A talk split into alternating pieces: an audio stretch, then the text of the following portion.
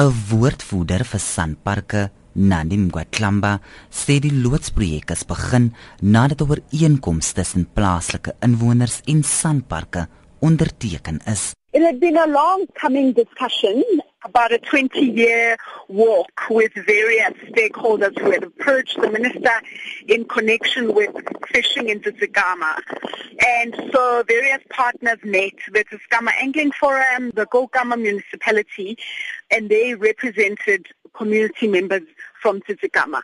The burning issue there was people used to fish here for historical rights, cultural reasons, subsistence fishing as well as recreational fishing.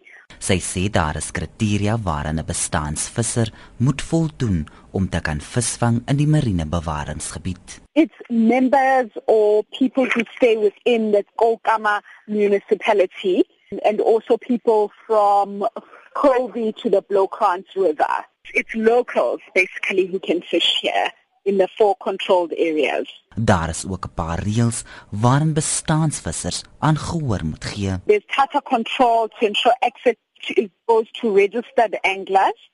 And so there are registration tables right round in four community halls in the Tsitsikamma area.